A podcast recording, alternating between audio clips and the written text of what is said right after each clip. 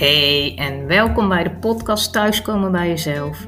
Ik ben Ilona en ik neem je via thema's als identiteit, verlies en geloof mee op mijn innerlijke zoektocht. Voor mij werkt dat het beste buiten, in de natuur. Dus ik nodig je uit om de natuur op te zoeken en je al luisterend te laten inspireren om samen met mij de weg naar je hart te bewandelen en uiteindelijk thuis te komen bij jezelf. Gaat het met jou? Wat een vraag hè, om mee te beginnen. Maar goed, hoe gaat het met jou?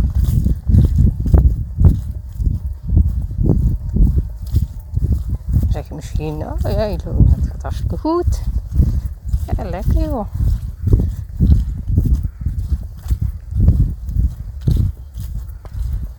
Of je denkt, joh, gaat toch een eind weg met je vraag.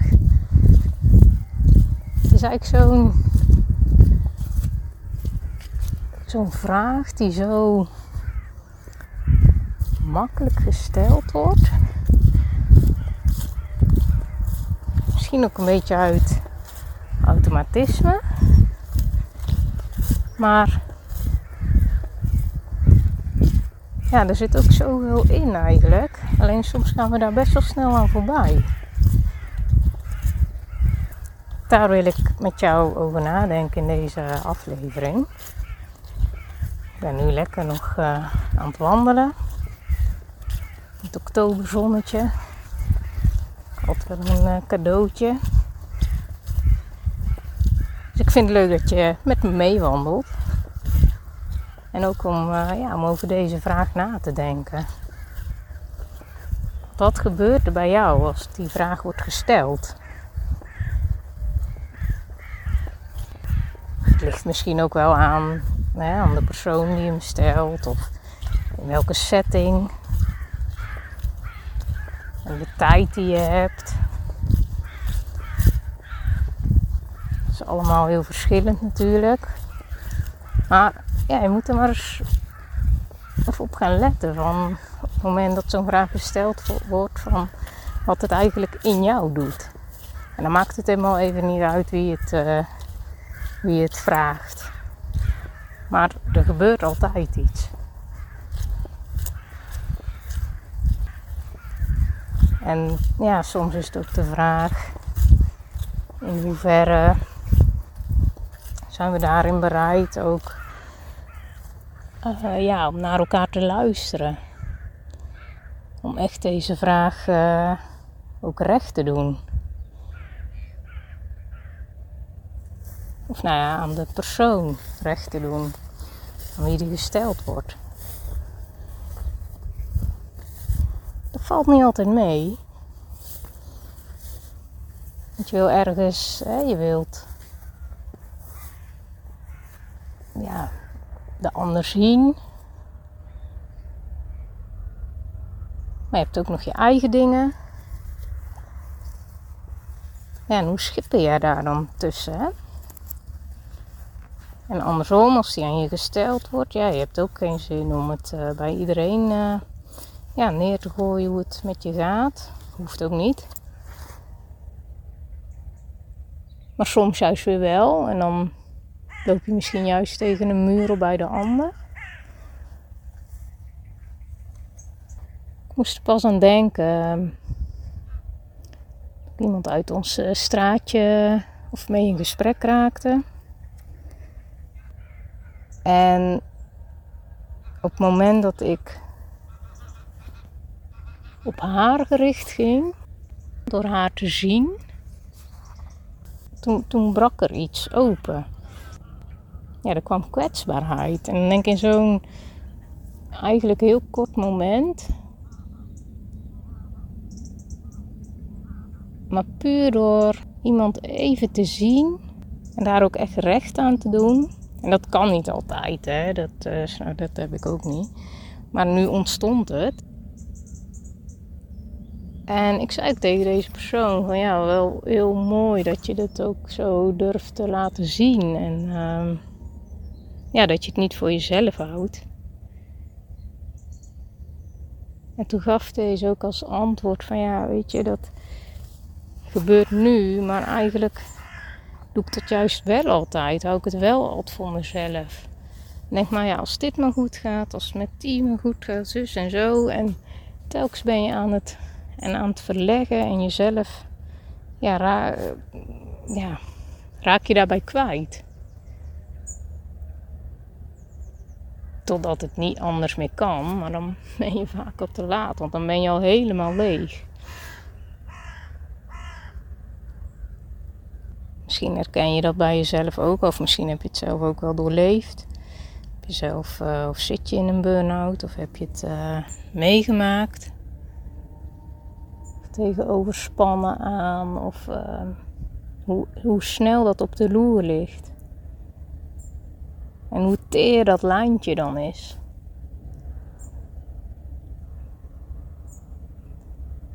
Ja, en dan is die vraag: hoe gaat het met je?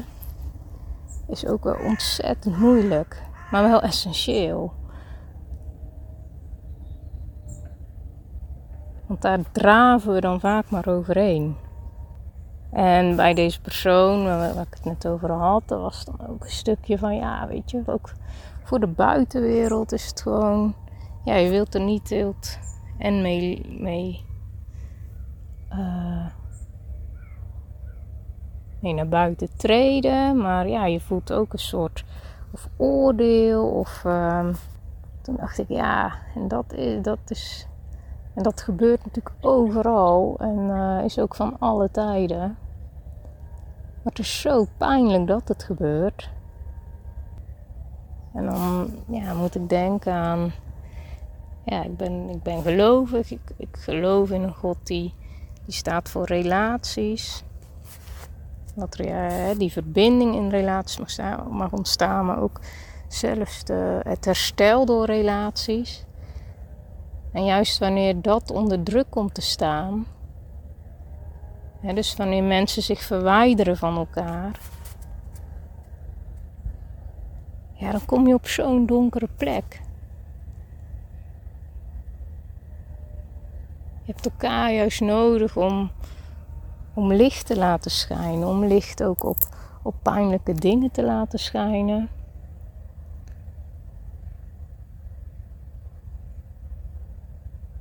Licht, warmte, alles wat nodig is om, uh, om weer tot herstel te komen toen dacht ik, ja, hoe anders gebeurt het in praktijk? Wat wijzen we elkaar snel af? Ik weet niet of je dit zelf ook zo, uh, zo ziet, of misschien zelfs wel ervaren hebt. Ook als je het zelf ervaren hebt, ja, wat moet dat dan pijnlijk ook voor je zijn?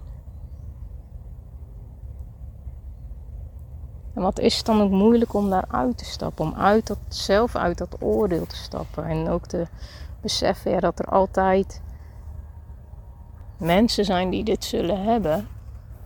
Of zullen doen, of dit gevoel bij je op zullen roepen, maar dat je er zelf ook uit mag stappen. Dat je juist zelf ook, ja, ook misschien veilige mensen mag zoeken. Die jou niet in dat donker schuiven, maar juist in het licht zetten.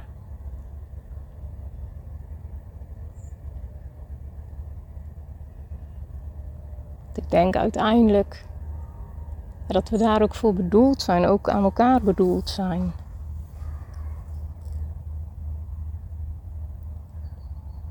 Maar ja, wat gebeurt het vaak dat als we problemen hebben of met dingen worstelen, dat we dan juist terug gaan trekken. Pas las ik ook ergens, moet ik nou aan denken, maar dan weet ik niet meer waar dat was. Van dat het ook. Um, we daarin ook een soort van, van dieren zijn. Die, hè, met als, we, als er pijn is, trekken die zich ook terug. En dat, ja, tenminste, ik herken het bij mezelf heel erg. Ik weet, misschien heb, jij dat totaal niet. Maar, ik, en, en nu is het wel iets minder, maar het zit nog steeds wel in mij. Om, ja, als er wat, wat moeilijkheden zijn of uh, ja, wat meer stress. Of dan eerst ja, mezelf terugtrek uit, uh, ook uit verbindingen eigenlijk. En dat hoeft niet eens altijd heel verkeerd te zijn, want het mag dat je gewoon even de tijd neemt, ook voor jezelf en om dingen op een rijtje te zetten natuurlijk. Alleen het gevaar is dat we daar dan blijven zitten. Hè?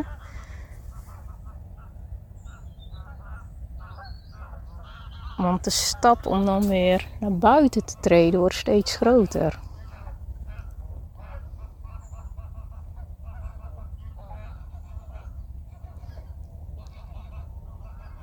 Ik moest ook denken aan, uh, ik had een tijd terug een uh, gesprek met iemand uh, over een, een, eh, een, stichting in Sri Lanka. En daar was ik via via mee in contact gekomen. Erg mooi. Het ook natuurlijk hè, ja, een stukje toch van mijn, van mijn roots. Ergens zit er iets dat ik daar, daar meer mee wil ook. En dat dat ook niet voor niks op mijn pad is gekomen. Ik ga daar ook nog meer over uh, naar buiten brengen hoor. Um, want dat gaat, uh, daar gaat ook iets, uh, ja, iets moois mee gebeuren. Maar het ging mij voor nu even over het gesprek wat ontstond. Want deze stichting werkt dus vooral met mensen met een beperking in Sri Lanka. En in Sri Lanka worden mensen met een beperking ehm, ja, echt nog wel ja, eigenlijk bijna als, als besmettelijk gezien. mensen zijn bang dat als ze diegene aanraken of iets van ze aanraken, dat ze het dan zelf ook krijgen. Zeg maar. in, dat, in die fase zit uh, Sri Lanka nog. Ja, en deze stichting uh, doet er alles aan om, uh, om dat vanuit lokaal niveau om te gaan buigen. Dus gewoon alles vanuit Sri Lanka zelf, dat mensen er zelf in gemobiliseerd worden om, um, ja, om ook deze mensen in het licht te zetten. En er is bijvoorbeeld ook een, een dagopvang voor mensen met een beperking of voor kinderen met een beperking. Ja, voor ons is dat misschien nog een beetje uh, hè, dat je denkt, ja, hoezo uh, is dat apart? Maar ja, daar is dat heel bijzonder, want dat, dat was er allemaal nog niet. En nou ja, dat betekent ook vaak dat kinderen met een beperking of thuis zaten, thuis werden opgesloten omdat ouders toch moesten werken bijvoorbeeld. Want ja, er moet wel financieel iets binnenkomen en normaal hè, kunnen kinderen ook al iets bijdragen, maar ja, in dit geval wordt dat dan moeilijk, dus dan er, er valt dan een, een, heel groot deel voor dat gezin, ehm, ook financieel, valt weg. Wat dus voor heel veel armoede ook zorgt. En voor heel veel problemen. Maar goed, met zo'n opvang wordt daar al heel veel mee uh, verholpen. Want hè, een, een, kind krijgt ineens een soort ritme, een structuur, kan, kan weer slapen s'nachts.